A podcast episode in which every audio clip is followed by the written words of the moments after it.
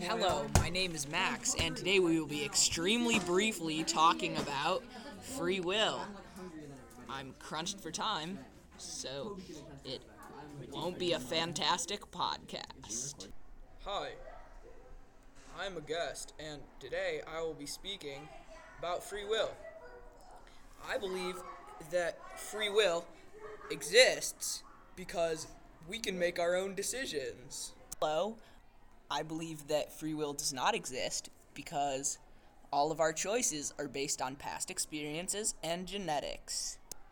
Well, that sure showed us a lot about free will and different opinions on it. I would like to thank my two guests and Sounds Abound for supplying my sounds. Thanks for listening.